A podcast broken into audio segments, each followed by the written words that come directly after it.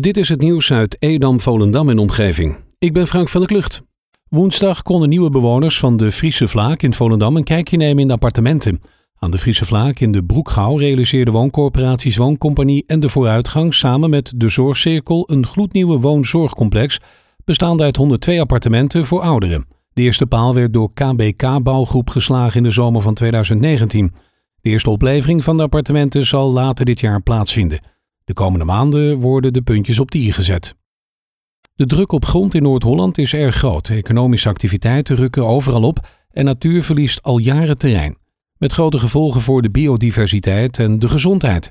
Landschap Noord-Holland maakt zich zorgen, want deze trend lijkt niet te stoppen. Daarom komt de natuurorganisatie in actie en organiseert een campagne voor uitbreiding en versterking van de Noord-Hollandse natuur met zo'n 1 miljoen binnen het Natuurnetwerk Nederland.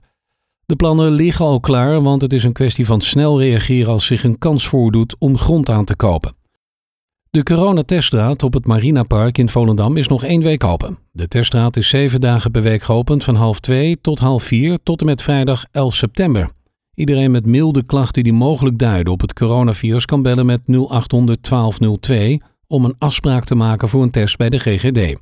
Je kan ook een afspraak maken via de website van de Rijksoverheid. Je logt dan in met je DigiD. Ook kan je zonder afspraak terecht bij de teststraat.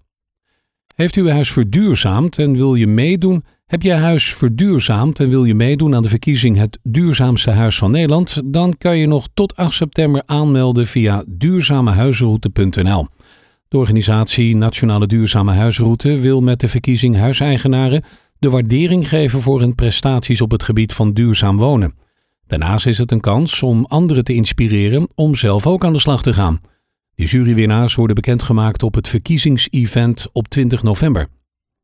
Het hele team van Biederij Waterland zit vrijwillig in quarantaine door een medewerker die positief getest is op het coronavirus. De reacties op Facebook over de sluiting zijn begripvol, zo meldt het NH Nieuws. Degene die besmet is geraakt met het virus is twee dagen van tevoren nog werkzaam geweest in de bierbrouwerij, maar volgens de eigenaar is het geen reden tot paniek. De persoon die besmet is, is niet langer dan een kwartier bij mensen geweest en dan ben je een laag besmettingsrisico. De situatie heeft geen gevolgen voor de brouwerij, want alleen het proeflokaal en de winkel zijn tot en met 8 september gesloten. Een traditionele kermis zit er in Volendam vanwege de corona dit weekend niet in. Toch heeft de gemeente Edam-Volendam voor de zekerheid het aantal BOA's verdubbeld en zet ze vier extra agenten in om erop toe te zien dat de coronaregels in het dorp worden nageleefd. De gemeente laat weten vooral op te letten of de horeca zich aan de regels houdt, maar gaat ook handhaven op illegale evenementen en buurtfeesten volgens het NH Nieuws. Twintig jaar na dato zullen er vier indrukwekkende avonden worden gehouden waarbij betrokkenen van de nieuwjaarsbrand zullen spreken. Sommige sprekers doen voor het eerst hun verhaal, anderen hebben het vaker gedaan, maar graven dieper in hun verleden. Dat komt door het proces van het hele project. Maanden aan voorbereiding gingen eraan vooraf. Het gaf de sprekers nieuwe inzichten in hun verhaal en dat is mooi. Het worden vier indrukwekkende avonden. De eerste avond is op donderdag 8 oktober in de PX en de sprekers zijn Johan Veerman, de bedrijfsleider Weer Warbar en Marga Smit, brandwondenslachtoffer. Handballers Rob Goudriaan, Marnix Roos en Tom Zwarthoed zijn opgeroepen voor Jong Oranje. Het trio van Kras Volendam werkt op 30 september en 7 oktober een trainingsstage af op Papendal. Daarna wordt de groep teruggebracht tot een select aantal dat iedere woensdag samenkomt. Er is gestart met de bouw van het archeologisch mini-museum De Waterwolf in Etersheim.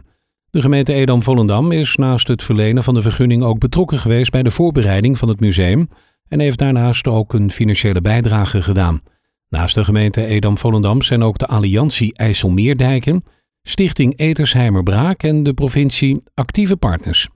In het minimuseum worden vondsten van het verdronken dorp Etersheim getoond.